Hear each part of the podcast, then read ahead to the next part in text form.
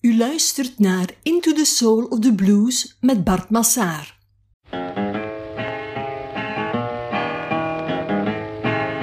T for Texas, T for Tennessee. T for Texas, T for Tennessee. T for Thelma, that gal that made a hallo en welkom bij deze nieuwe aflevering van de podcast Into the Soul of the Blues. In deze aflevering duiken we opnieuw de geschiedenis in. We gaan kijken hoe aan het eind van de jaren 20 de country blues of de plattelandsblues meer en meer aandacht kreeg. En een belangrijke man daarbij was de field recorder Ralph Peer, die voor Victor Records werkte. Maar hou je vast, ik heb in deze aflevering ook een aantal heel leuke weetjes te vertellen. Zo leer je bijvoorbeeld waarom Howling Wolf huilt als een wolf.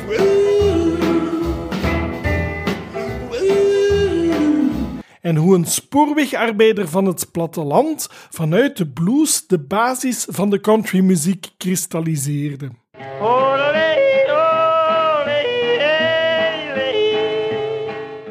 En wat mij betreft het allerleukste weetje uit deze aflevering, we ontdekken dat een Keniaans volksliedje verwijst naar de blues.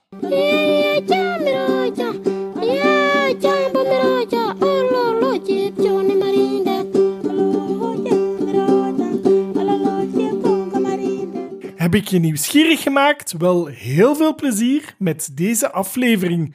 De country blues aan het eind van de jaren 20.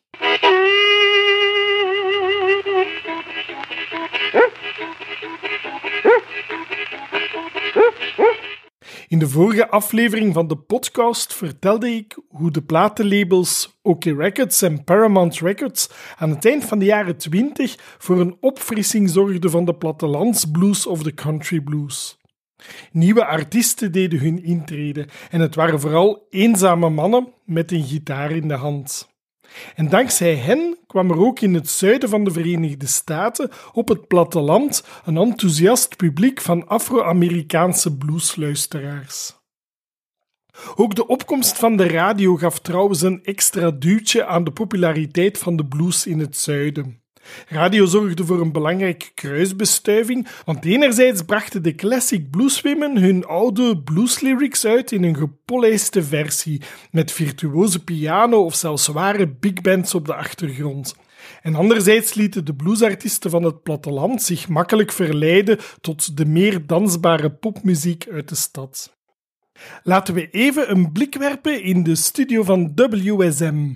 Dat is een radiostation in Nashville dat zich toelegt op country music. From Nashville, Tennessee, Prince Albert, the world's most popular smoking tobacco, brings you the South's most popular program, the Grand Ole Opry. Op 28 november 1925 begon het radiostation een nieuw programma, de WSM Barn Dance, met ene George D. Hay als presentator. Voor de eerste aflevering liet hij de 77-jarige violist Uncle Jimmy Thompson aandraven.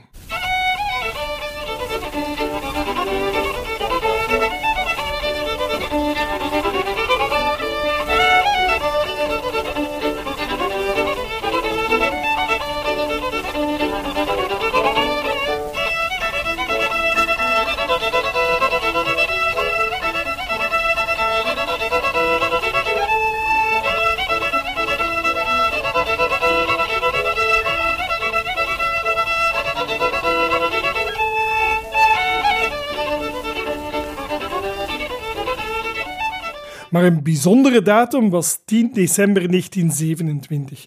Op die dag was voor het eerst een Afro-Amerikaanse bluesster op de radio te horen. Een country blues mondharmonica-speler die luisterde naar de naam DeFord Bailey.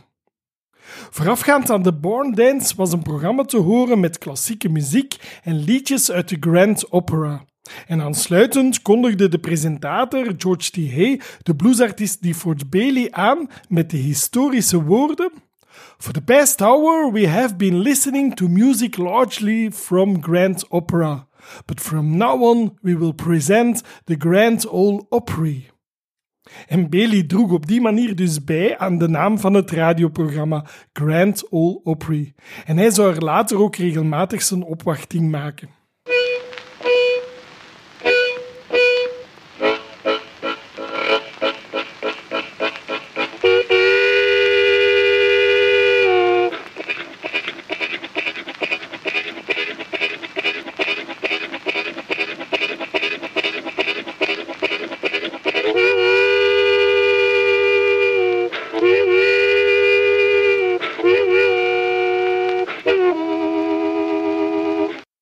Fort Bailey. Hij is geboren in 1899 in Tennessee als kleinzoon van slaven.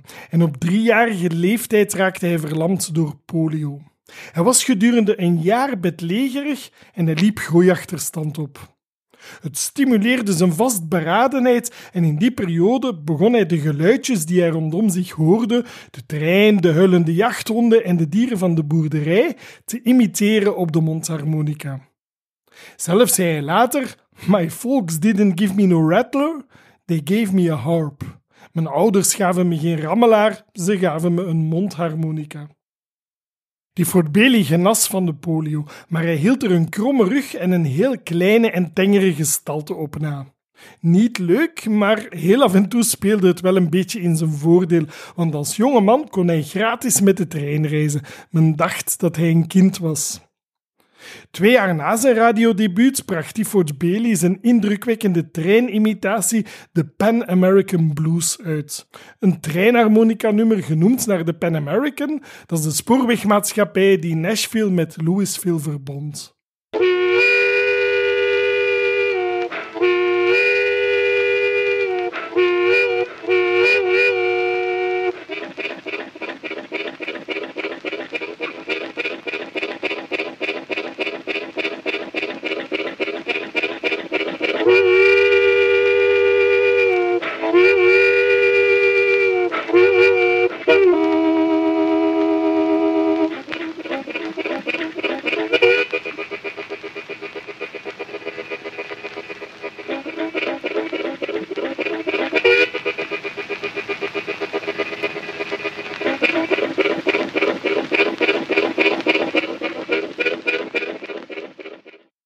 American Blues, dat was de eerste mondharmonica solo die ooit werd opgenomen. Op de ommezijde van het plaatje kon je trouwens luisteren naar de Dixie Flyer Blues.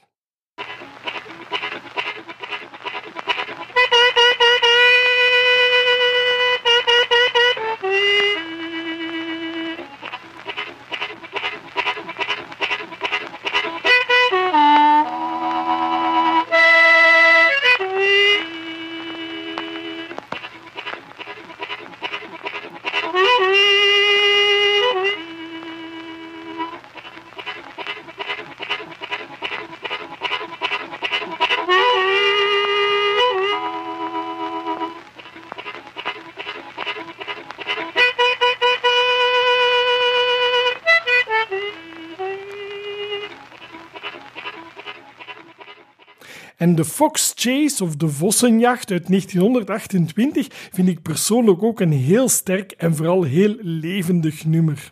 En als je goed luistert, hoor je zelfs de jachthonden lopen. Ja. Ja. Kijk het. Kijk het.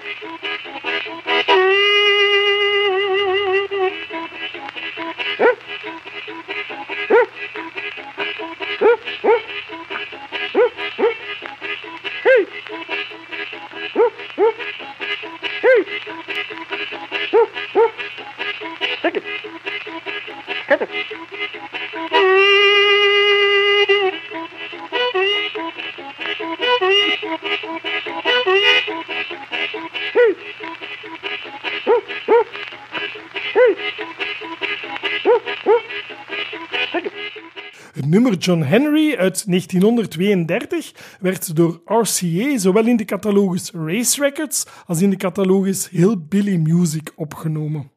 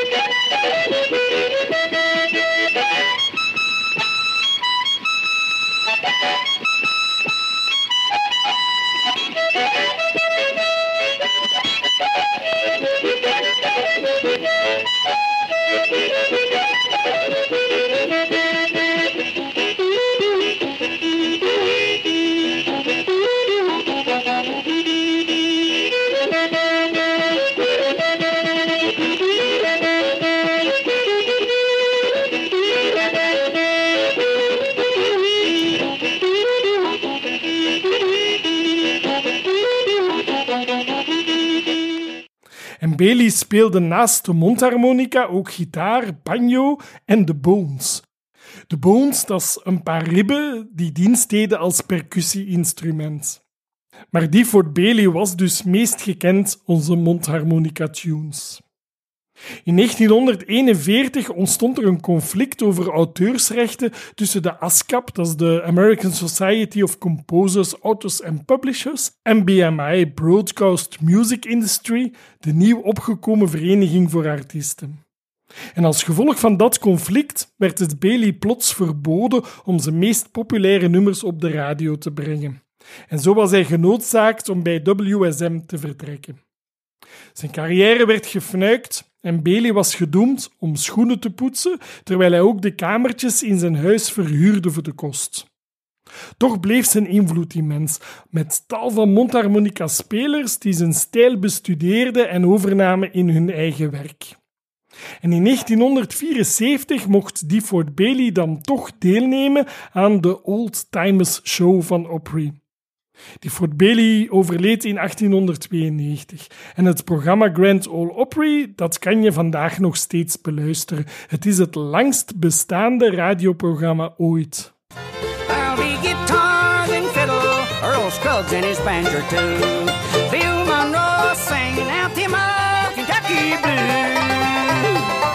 Ernest Tubbs number two wrongs won't make a right at the Grand Ole Opry every Saturday night.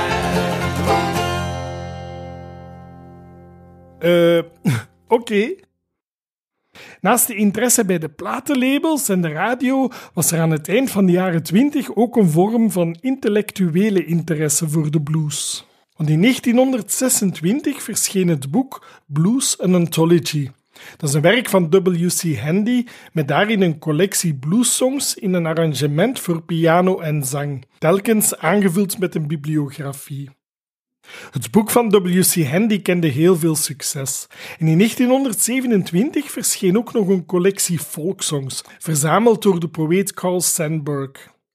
The American Songbook heette dat werk. En Piet Seeger noemde het een mijlpaal in de muziekgeschiedenis. Het boek werd gedurende maar liefst 70 jaar continu uitgegeven. Het succes van Blind Blake en misschien vooral het mega-succes van Blind Lemon Jefferson maakte dat tegen de lente van 1927 nu ook de grotere platenlabels zoals Victor Records en Columbia Records geprikkeld werden door de blues van het platteland. Maar ze hadden een beetje de bal gemist, want de beste bluesmannen van het moment die hadden al bij de concurrentie getekend bij de kleinere platenlabels. Maar Columbia Records en Victor Records die bleven niet bij de pakken zitten. Men besloot om direct op het terrein op zoek te gaan naar nieuw talent. Want halverwege de jaren 20 hadden bedrijven zoals Bell Laboratories en Western Electric een elektrische microfoon op de markt gebracht. En die elektrische microfoon was een handig ding. Tot daarvoor werden opnames gemaakt, zoals je wel al weet, door de geluidsgolven via een grote horen over te zetten op een naald die krast in een plaat. Maar die opnamehoren die was natuurlijk veel te groot en niet verplaatsbaar.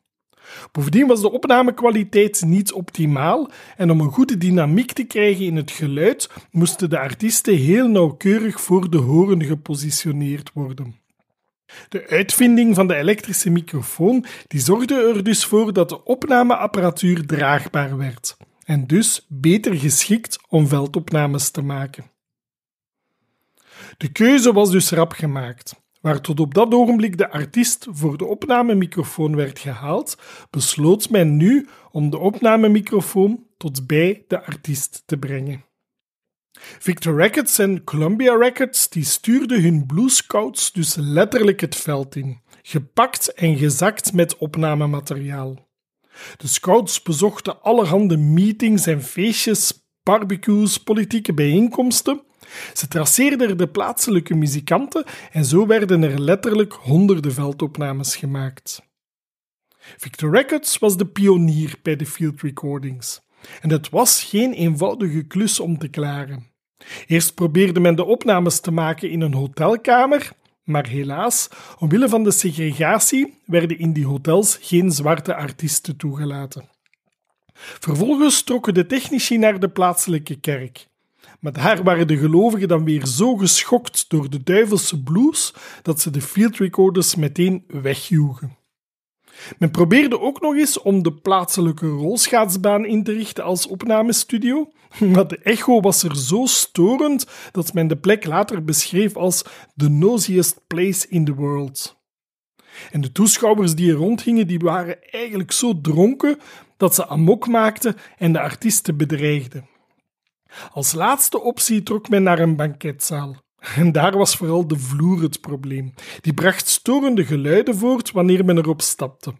En om dat geluid te dempen legde men kussens onder de voeten van de muzikant.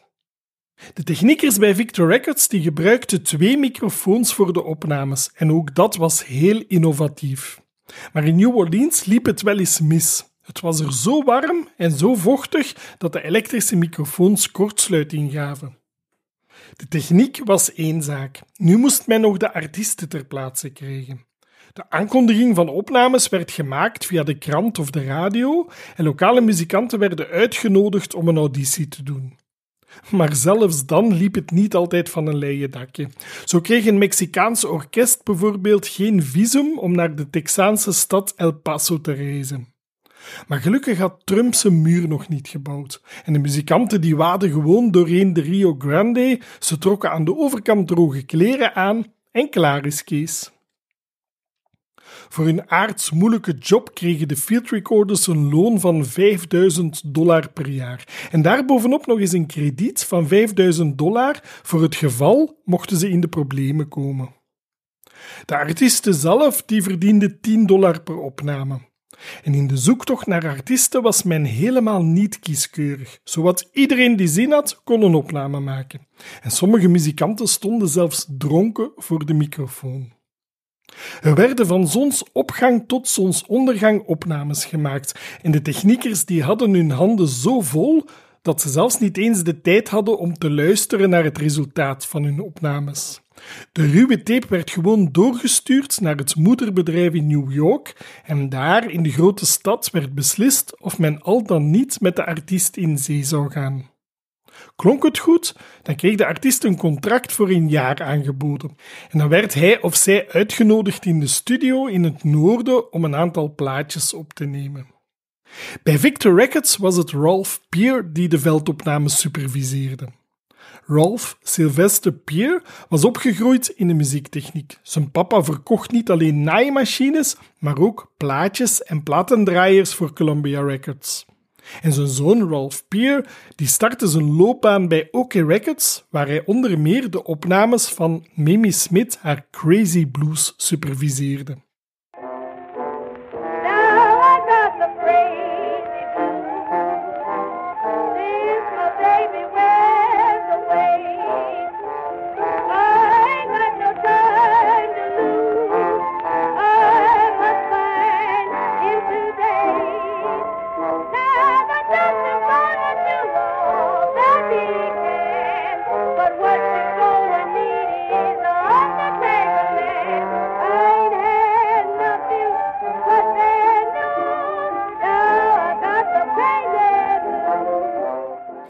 1923 had Ralph Peer de historische opnames gemaakt van Fiddlin' John Carson. John Carson was een arbeider in de katoenfabriek, maar door een staking werd hij werkloos en hij was genoodzaakt om voor zijn levensonderhoud te gaan busken. Hij schreef ook zijn eigen nummers en hij verkocht de partituren voor een nikkel aan de geïnteresseerde toehoorders. De teksten die Carson schreef, die gingen vaak over spectaculaire nieuwsfeiten en zijn nummers veroorzaakten heel wat furore en controverse in de maatschappij. Voor de microfoon van Ralph Peer zong Fiddlin' Joe Carson de Little Old Log Cabin in the Lane. Dat is een populaire folksong over een voormalige slaaf die in een armzalige hut verblijft. En die plaat werd beschouwd als de eerste country music opname gemaakt door een witte man van het platteland. Now I'm getting old and feeble and I cannot work no more. That rusted plated hoe I've laid to rest. Oh, Master Sam, oh, Mr. Say, I'll sleep inside the side. But there it's now I roaming with the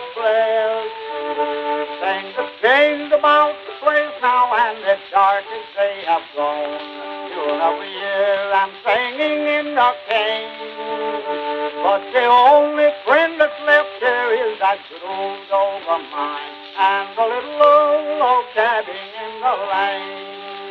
The chimney's falling down and the roof all caved in. Let's in the sunshine and the rain. But the angels watches over me when I lay down to sleep De opname wekte meteen interesse bij de platenmaatschappijen en men wou nog meer folksongs gaan uitbrengen. Maar toen OK Records in 1926 deel werd van Columbia Records, stapte Ralph Peer over naar Victor. Op dat ogenblik was Peer nog maar 35 jaar jong, maar hij had al bakken ervaring opgedaan. Bij Victor richtte hij een nieuwe afdeling op, de Southern Music Publishing Company. Ralph Peer was heel ambitieus, want de helft van het kapitaal voor de opstart van het bedrijf kwam gewoon uit zijn eigen zak. En hij bleef ook niet bij de pakken zitten. Van iedereen en alles maakte hij opnames. Ook witte muziek van witte artiesten, maar hij had vooral een grote interesse in de countrymuziek. Het was Ralph Peer die in 1927 voor de Victor Talking Machine de opnames maakte van Jimmy Rogers en van de Carter Family. Daarvoor maakte Ralph Peer gebruik van een geïmproviseerde opnamestudio in Bristol. Dat is een stadje met een hele rijke muziekcultuur. De studio was geïmproviseerd, maar Ralph Peer maakte alsnog meesterlijk gebruik van nieuwe technieken. En hij wist een sterk commercieel model uit te bouwen, terwijl hij oog en vooral oor had voor muzikaal talent. Peer had een aankondiging laten plaatsen in de Bristol News Bulletin, en die publiciteit lokte heel wat artiesten uit de naburige bergdorpen, mannen, vrouwen, die in hun hele leven nog nooit in de stad Bristol waren geweest. En onder hen dus ook de Carter Family en Jimmy Rogers. Die opnames gingen de geschiedenis in als de Bristol Sessions. En ze zijn memorabel, want wat Ralph Peer in die periode gedurende twaalf dagen heeft opgenomen, dat staat op de tijdlijn van de muziekgeschiedenis gegrift als de geboorte van de country music en de Bristol Sessions van 1927 gingen de geschiedenis in als The Big Bang of Country Music. En zo verscheen dus de Carter Family voor zijn microfoon. A.P. Carter en zijn vrouw Sarah samen met de nicht van Sarah, de 18-jarige Maybelle. Op 1 en 2 augustus 1927 werd van de Carter Family zes nummers opgenomen. Little Log Cabin by the Sea is wellicht het meest bekende van de reeks.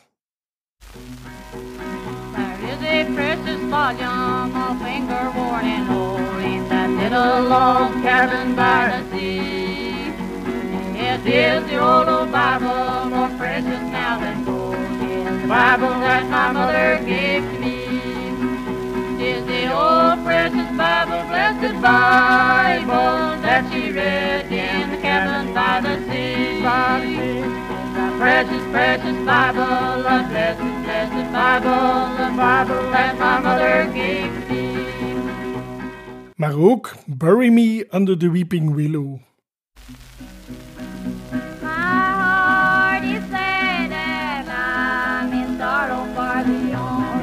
One I love. When shall I see him? Oh, no, never till I meet him in heaven above. Oh, bear me under the weeping willow, yes, under the weeping willow tree so he may know where I am sleeping and perhaps he will weep for me. En tenslotte The Poor Orphan Child, The Storms Are in the Ocean, Single Girl, Married Girl en The Wandering Boy werden in die periode opgenomen.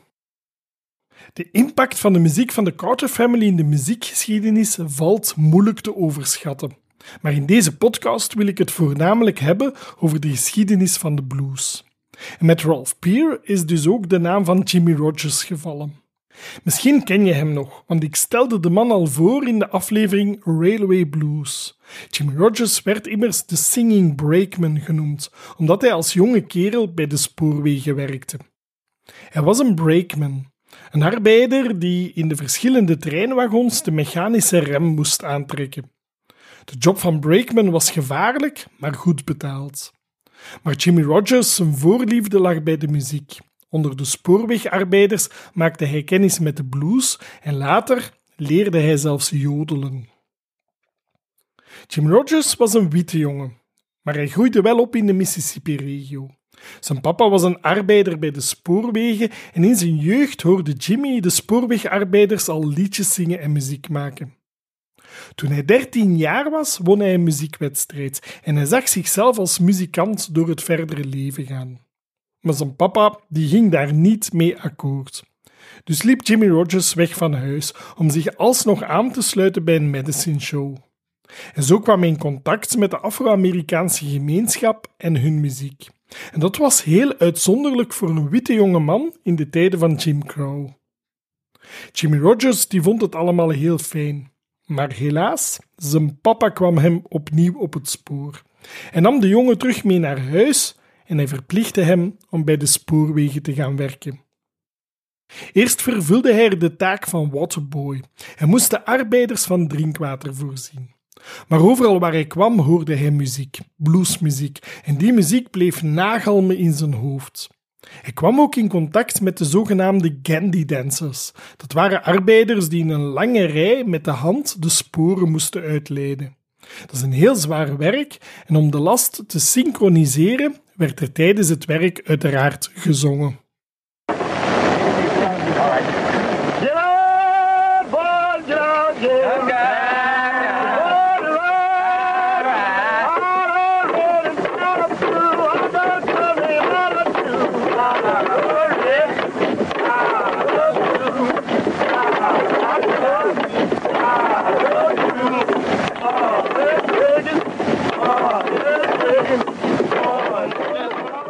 Jimmy Rogers die maakte al gauw promotie en zo werd hij aangesteld als vlaggenzwaaier, als bagagejongen en uiteindelijk als brakeman of remmer.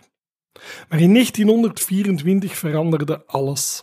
Jimmy Rogers werd in dat jaar geveld door tuberculose en hij moest op zoek naar ander werk. En zo keerde hij terug naar zijn oude liefde, de muziek en de showbusiness. Opnieuw trok hij met een tentshow rond en het was in die periode dat hij ontdekt werd door Ralph Peer en de Victor Talking Company. Aanvankelijk zat het Jimmy Rogers niet echt mee. Hij was naar Bristol gekomen met zijn band, de Jimmy Rogers Entertainers. Maar door ruzie haakten de muzikanten af en Jimmy Rogers moest de auditie alleen doen. Voor de microfoon van Ralph Peer zong hij twee nummers: The Soldier's Sweetheart dat is een song over de harde realiteit van de oorlog, over een meisje die haar geliefde verliest in de oorlog in Europa. He promised he would write to me. That promise he's kept true. And when I read this letter, I pray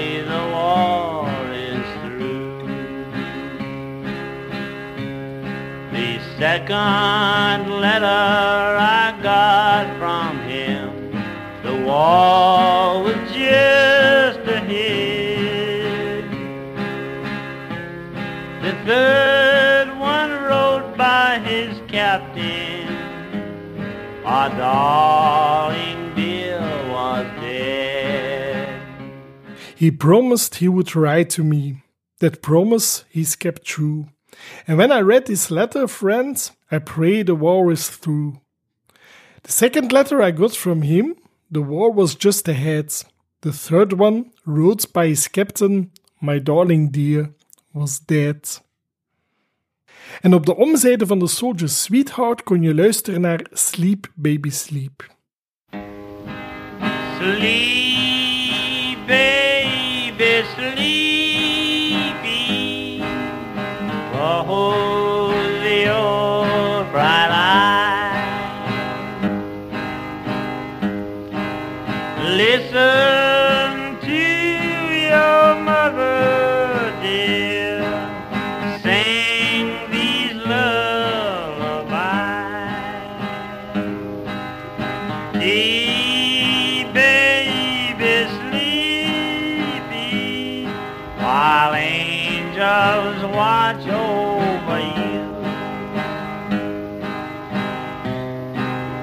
Listen to your mother, dear, while she sings.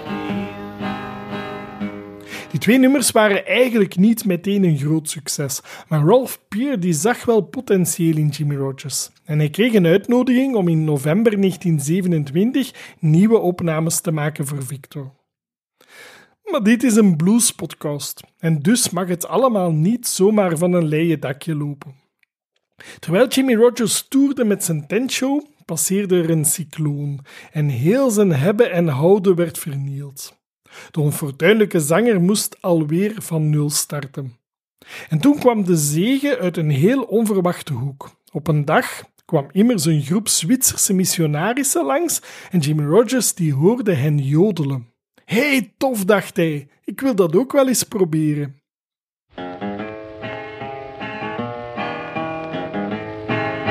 T for Texas, T for Tennessee. T for Texas, T for Tennessee. T for Thelma, that gal that made a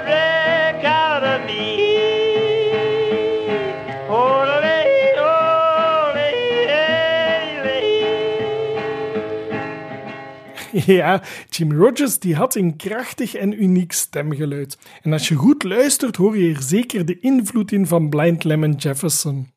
En bovendien waren zijn jodelkunsten complex en ongeëvenaard. Je hoorde zo net de Blue Jodel, ook wel Tifo Texas genoemd. Dat nummer werd dus opgenomen bij Ralph Peer tijdens de tweede opnamesessie in november 1927. En nu sloeg de vonk wel over. Met dit nummer werd Jimmy Rogers een nationale ster. En de adoratie voor hem was zo groot dat er weldra ook bij andere platenlabels nieuwe jodelers opdoken. Cliff Carlyle bijvoorbeeld. Ik laat je luisteren naar een fragmentje uit The Breakman Reply. De tekst is nogal dramatisch, want in het nummer zingt Carlyle over het feit dat hij met zijn vriend stiekem meerijdt met de trein, Bummers, weet je nog, maar aan het eind van het lied blijkt zijn vriend dood te zijn.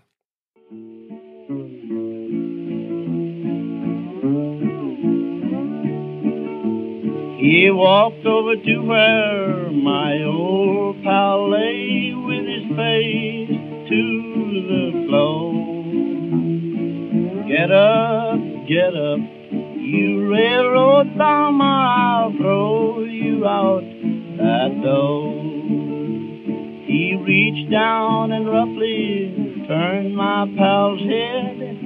started back with a cry. Look here, bum, your pal is dead, was the old brakeman's reply. Odelee, adee, odelee. Hey, en deze zal je zeker wel herkennen. Dit is Jimmy Davies met. You are my sunshine, my only sunshine. You make me happy when skies are gray. You'll never know, dear, how much I love you. Please don't take my sunshine away.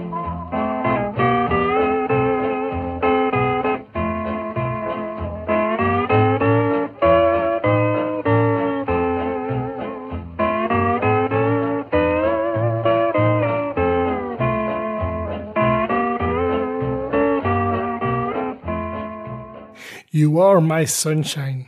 Jimmy Davis publiceerde You Are My Sunshine in 1939 en de invloed van Jimmy Rogers is niet te miskennen. Die invloed was dus ontzettend groot en Rogers zelf bleef nog heel lang teren op zijn succes. In totaal bracht hij 12 songs uit met de titel Blue Jodel en hij nummerde ze gewoon van 1 tot en met 12. Jimmy Rogers was een getalenteerde songwriter en de credits van al zijn nummers staan op zijn naam geschreven. Maar daarmee is de geschiedenis wel vergeten dat achter de populaire countryman ook een sterke vrouw stond. Haar naam was Elsie McWilliams. Elsie was een schoonzus en omdat ze medelijden had met haar zieke, aan tuberculose lijdende neef, hielp ze hem om zijn ideeën uit te werken. Men vermoedt dat een groot deel van Jimmy Rogers' songs eerder van de hand van Elsie McWilliams zijn, maar ze weigerde pertinent de royalties in ontvangst te nemen. Uiteindelijk schreef Jimmy Rogers toch de helft van de auteursrechten op haar naam, maar het geld dat ze daarvoor ontving, stortte ze weer door aan hem.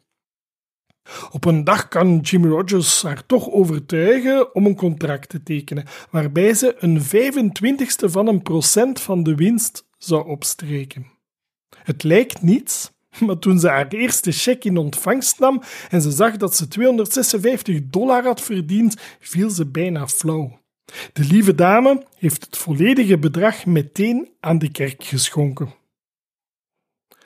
Toen Jimmy Rogers in 1930 aan zijn negende Blue Yodel toe was, had hij net geluisterd naar de Britwell Blues. Dat is een nummer van Nolan Welsh met een jonge Louis Armstrong op trompet.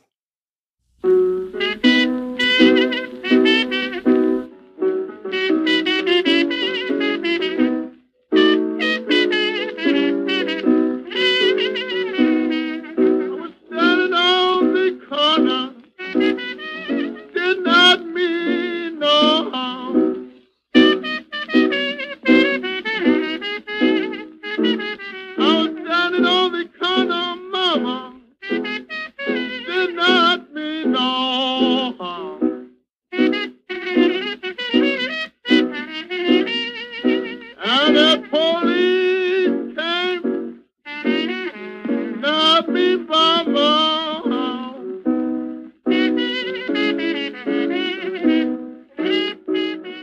Jimmy Rogers was onder de indruk van de jonge jazztrompetist Armstrong en hij nodigde hem uit om samen met zijn vrouw Lil Howden mee te spelen op de volgende compositie en dat is dan de Blue Yodel nummer 9.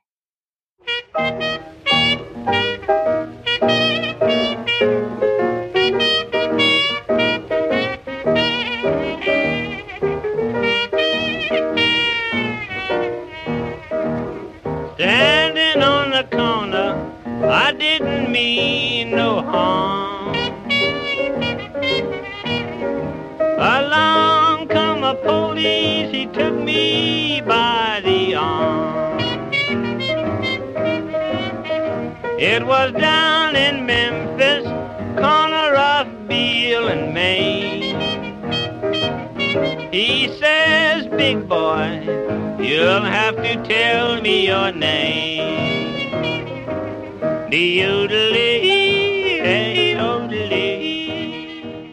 Een jaar nadien zou Louis Armstrong trouwens weggaan van zijn echtgenote en nog wat later werd hij een van de grootste sterren uit de jazzgeschiedenis.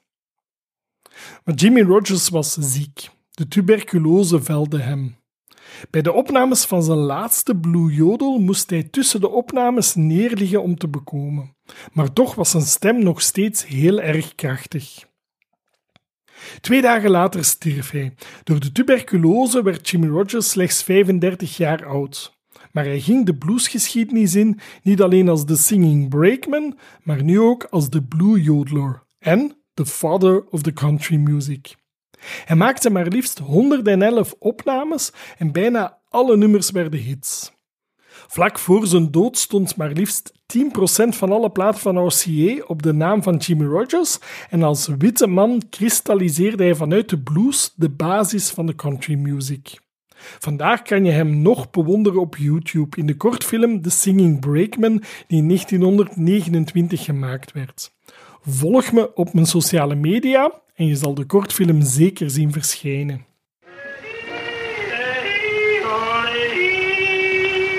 Good morning, ladies. Good morning, Jimmy. Hello, Jimmy Rogers. Good morning. Have you been home? Yes, from the looks of this board here, I'm going west at 1015. Good morning, ladies. Good morning. Hello, Jimmy. Hi, buddy. I suppose you'll want your coffee then. I sure will. I'll be getting it ready for you. That's a girl. Oh, Jimmy, Man. will you play and sing us a song while I fix your coffee? Oh, a song? Sure. I'll give her that old guitar out of there. I'll bring it to you. Not a girl. Play my favorite song, Jimmy. All right, what do you want to hear? That old song, Waiting for a Train? Uh-huh, that's it. All right.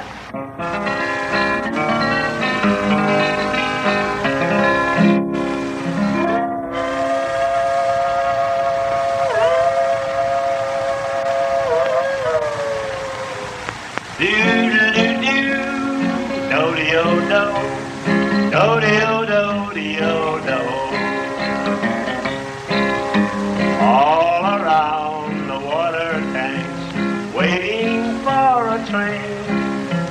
thousand miles away from home, sleeping in the rain. I walked up to a brakeman to give him a line of talk. He says if you've got money, I'll see that you don't walk. I haven't got a nickel, not a penny can I show.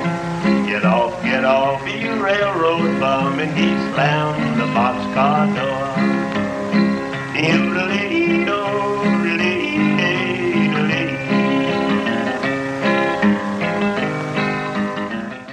Hey, en hier wil ik graag nog twee heel leuke weetjes aan toevoegen. Eerst dit. Ergens in de jaren 30 is een jongen met de naam Chester Burnett gefascineerd door het jodelen van Jimmy Rogers. De jonge man probeert ook te jodelen in zijn muziek, maar het lukte hem niet zo goed. En dit was het resultaat.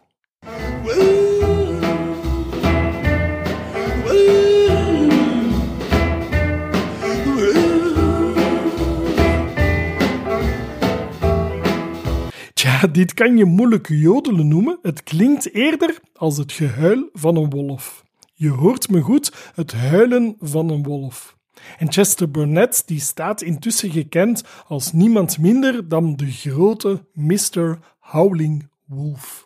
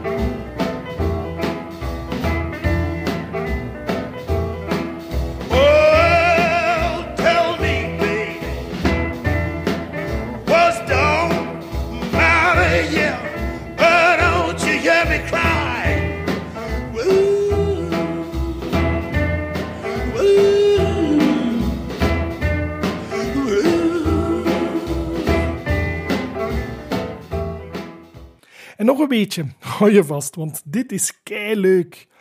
Luister eens naar dit fragment uit een Keniaans volksliedje.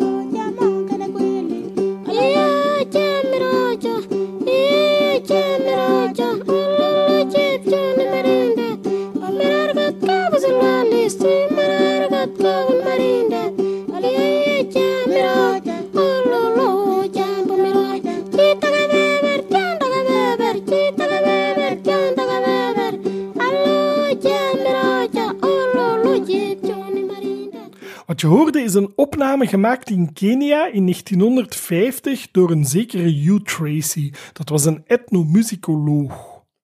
Enkele jaren voor hem hadden Britse missionarissen het Keniaans dorp bezocht. De verspreiders van het geloof hadden ook een opwindbare grammofoonspeler bij zich en een plaat van, jawel, Jimmy Rogers. En toen de Kenianen de stem van de populaire jodelende countrymuzikant hoorden, toen waanden ze zich in de zevende hemel. Die stem, dat geluid, dat kon niet van een mens afkomstig zijn, enkel van een halfgod, half man, half antilope. En de legende van de halfgod Jimmy Rogers die werd voortverteld in Kenia. Men maakte zelfs een liedje over hem. Jimmy Roger.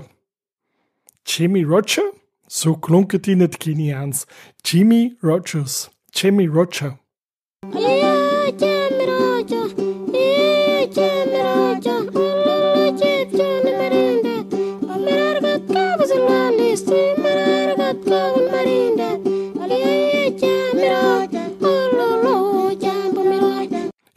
Is dit niet heerlijk? Ralph Peer die had dus een instinct dat hem tot beide grote talenten bracht. En de naam van Ralph Peer die weergalmde zo luid over het land dat de artiesten uiteindelijk zelf naar de stad trokken, tot bij hem. En intussen had Ralph ook zijn connecties op het platteland. Een daarvan was H.G. Spear. Spear was de eigenaar van een kleine muziekwinkel in Jackson en in een achterkamertje maakte de man demo's van lokale artiesten en die zond hij dan door naar Ralph Peer.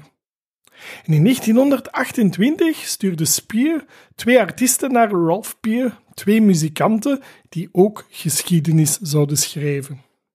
De eerste was Ishman Bracy. Hij werd genoemd naar een figuur uit het Oude Testament. Ishmael Bracy was een Delta blues muzikant die in zijn tienerjaren werkte als leadboy, als blinde geleide en hij werkte voor Blind Lemon Jefferson. Bracy zelf was een wolf in een schapenvacht, een man net in het pak die de feestjes meepikte als entertainer en die heel veel invloed had in de regio van Jackson. En samen met Tommy Johnson trok hij rond met de Dr. Simpson Medicine Show. En aan het eind verdiende hij ook nog eens de kost als predikant. De blues, weet je wel? De Saturday Night Blues is een opname van Ishman Bracy, gemaakt door Ralph Peer in 1928. Now my big woman told my pocket change in my sometime woman won't do the same you.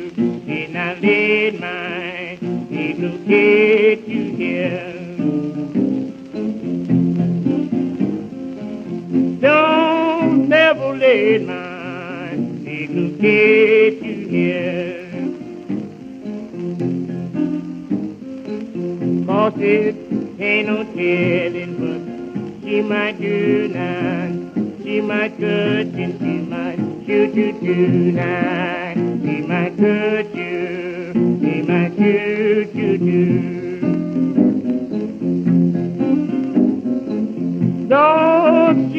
cut you, shoot you too.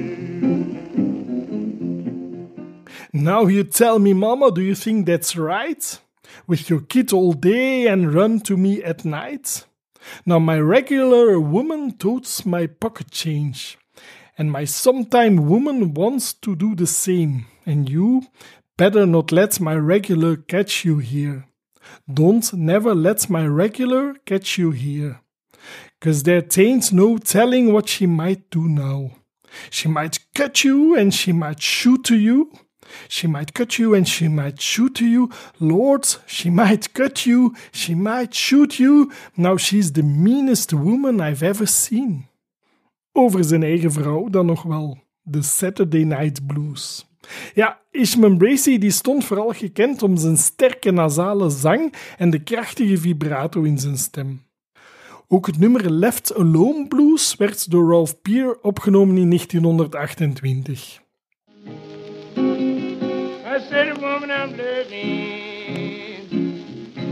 that training done. Got to learn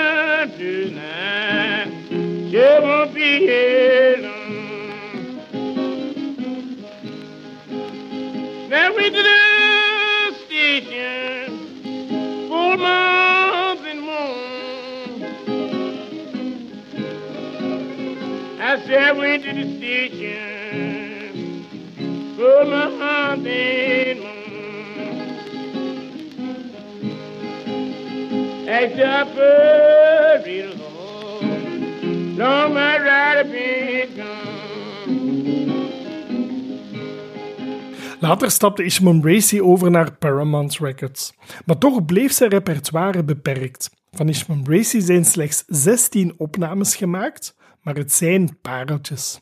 En mocht je een origineel in handen krijgen, wel, dan ben je rijk, denk ik dan. De naam Ishmael Bracy kwam je misschien minder bekend voor, maar de naam van zijn partner die zal je ongetwijfeld helder in de oren klinken. Tommy Johnson. En ook die man werd door Spear getipt bij Ralph Peer. Tommy Johnson, geboren in 1896 op een plantage, leerde van zijn broer gitaar spelen. Op zijn negentiende had hij een relatie met een oudere vrouw en hij liep weg van huis. Ergens tussen 1912 en 1914 kwam hij terecht in de buurt van de plantage van Will Dockery. En die kan je je herinneren. Dat was de plantage waar Charlie Patton en Willie Brown grote sier maakten. Tommy Johnson die kwam ertoe als een brave jongen, maar hij vertrok er als womanizer en alcoholist. Tommy Johnson stond immers gekend voor het drinken van sterno of brandspiritus. Canned heat noemde dat spul, ingeblikte warmte. En Tommy Johnson zong er zelfs over in zijn Canned Heat Blues.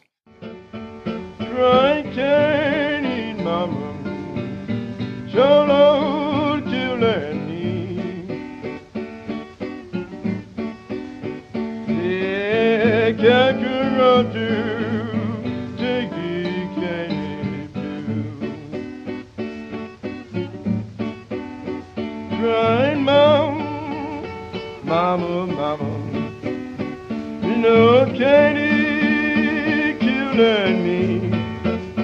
Crying, mama, mama, mama, crying, it killing me. Can't he don't cry, baby, never die. En ik vertelde het al, het is de Canned Heat Blues waar de 60s band Canned Heat naar genoemd is. Tommy Johnson leerde heel veel van Patton. Hij had die zijn stijl overgenomen en bovendien imiteerde hij de acrobatie door te spelen met de gitaar achter het hoofd of tussen de benen, alsof hij een muilezel bereed. En toch ontwikkelde Tommy Johnson een heel eigen stijl, die vooral gekenmerkt is door zijn sterke falsetto zangstem en een heel dansbaar ritme. Tommy Johnson was ook een sterke componist en een goede tekstschrijver. Stukken van zijn lyrics maken intussen vast deel uit van het bluesrepertoire. Denk maar aan de zin I asked for water and she gave me gasoline uit het nummer Cool Drink of Water Blues.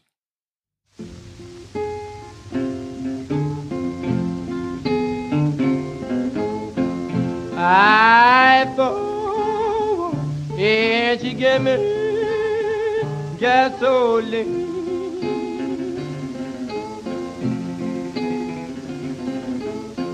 I drank for water, give me gasoline.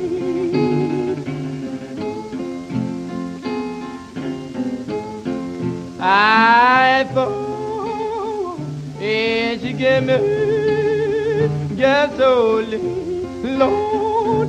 Lordy, Lord.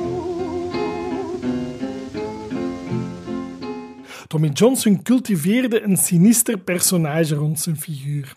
Hij beweerde dat hij zijn ziel had verkocht aan de duivel in ruil voor meesterschap bij het gitaarspelen. Ja, die legende associeerde je misschien meteen met Robert Johnson. Wel ja, Robert Johnson kopieerde het verhaal. En tussen haakjes, Tommy Johnson was helemaal niet verwant met Robert, al zou Robert Johnson dat misschien wel gewild hebben. Een jaar na de opname bij Victor Records maakte Tommy Johnson ook opnames voor Paramount Records en Tommy Johnson toerde het land rond, vaak samen met Ishmael Bracy. En in 1928 bracht Tommy Johnson de Big Roads Blues uit.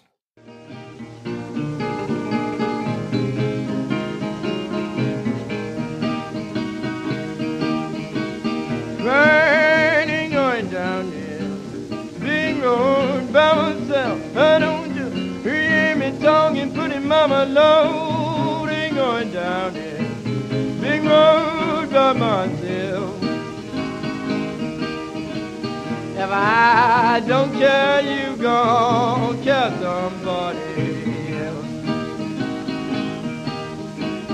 Bright sun gon' shine in my back door someday.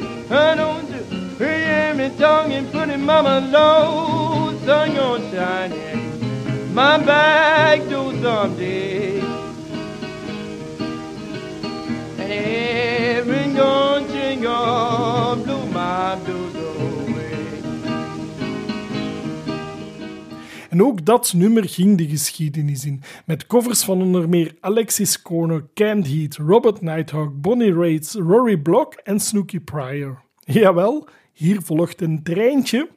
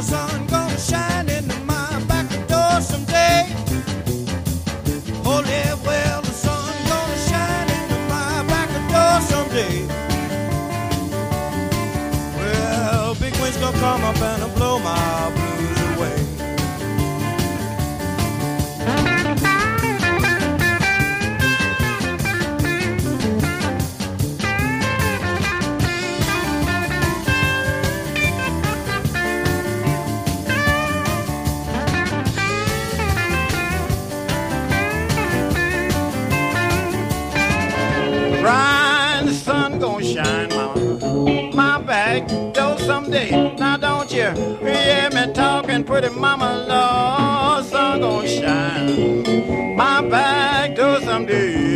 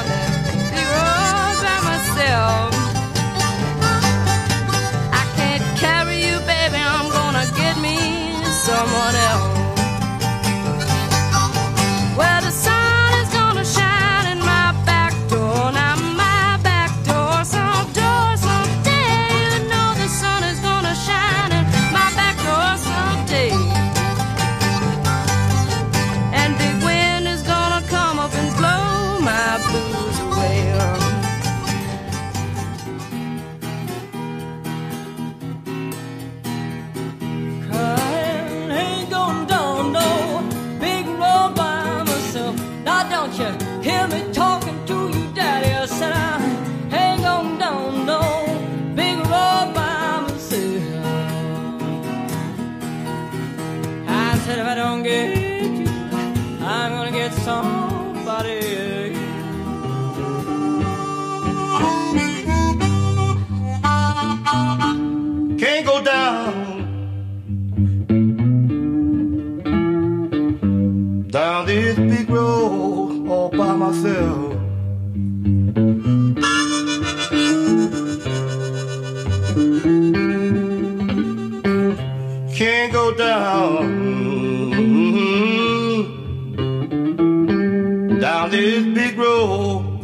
myself.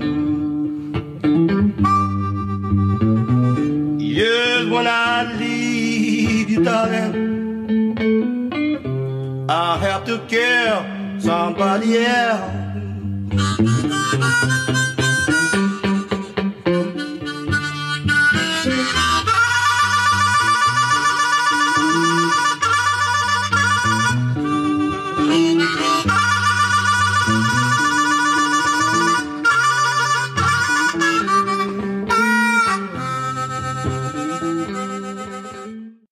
Helaas dronk Tommy Johnson net iets te veel van de brandspiritus als alcoholderivaat.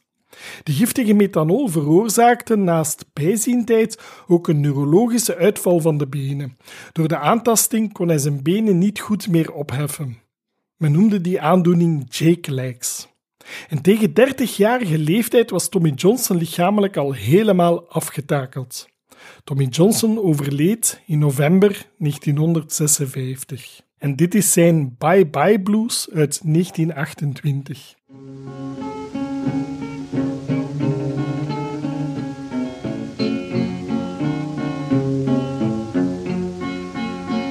Bye, bye, bye, baby, bye, bye. Bye, bye, now, baby, won't you bye, bye?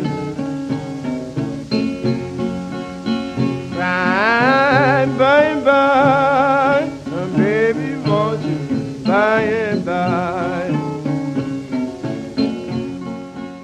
Ralph Peary was voor Oke Records zo winstgevend dat zijn vraag voor opslag meteen werd ingewilligd. En meer nog, Ralph Peer kreeg royalties voor de opnames die hij maakte. En dat was heel bijzonder. Want je moet weten dat in die tijd, in de jaren 20, nog geen sprake was van auteursrechten. Zelfs niet ten aanzien van de maker van een muzieknummer. Ja, Ralph Peer was een commerçant. Hij was uit op verkoopcijfers, maar hij kende zijn vak en hij had een uitzonderlijk gevoel voor persoonlijke muziek. En tenslotte nam hij artiesten ook mee op tournee en hij liet hen spelen op de stoep voor een muziekwinkel en zo boekte hij dubbel winst. De artiest werd in de kijker gezet en na het optreden rolden in de winkel de plaatjes van de toonbank. En Ralph Peer die haalde nog veel meer grote namen over de vloer. Maar aan die mannen stel ik je heel graag voor in de volgende aflevering van deze podcast. Zo, lieve luisteraars, heel erg bedankt om te luisteren naar deze aflevering van de podcast Into the Soul of the Blues. En dan wens ik jullie weer tot de volgende keer. Dag!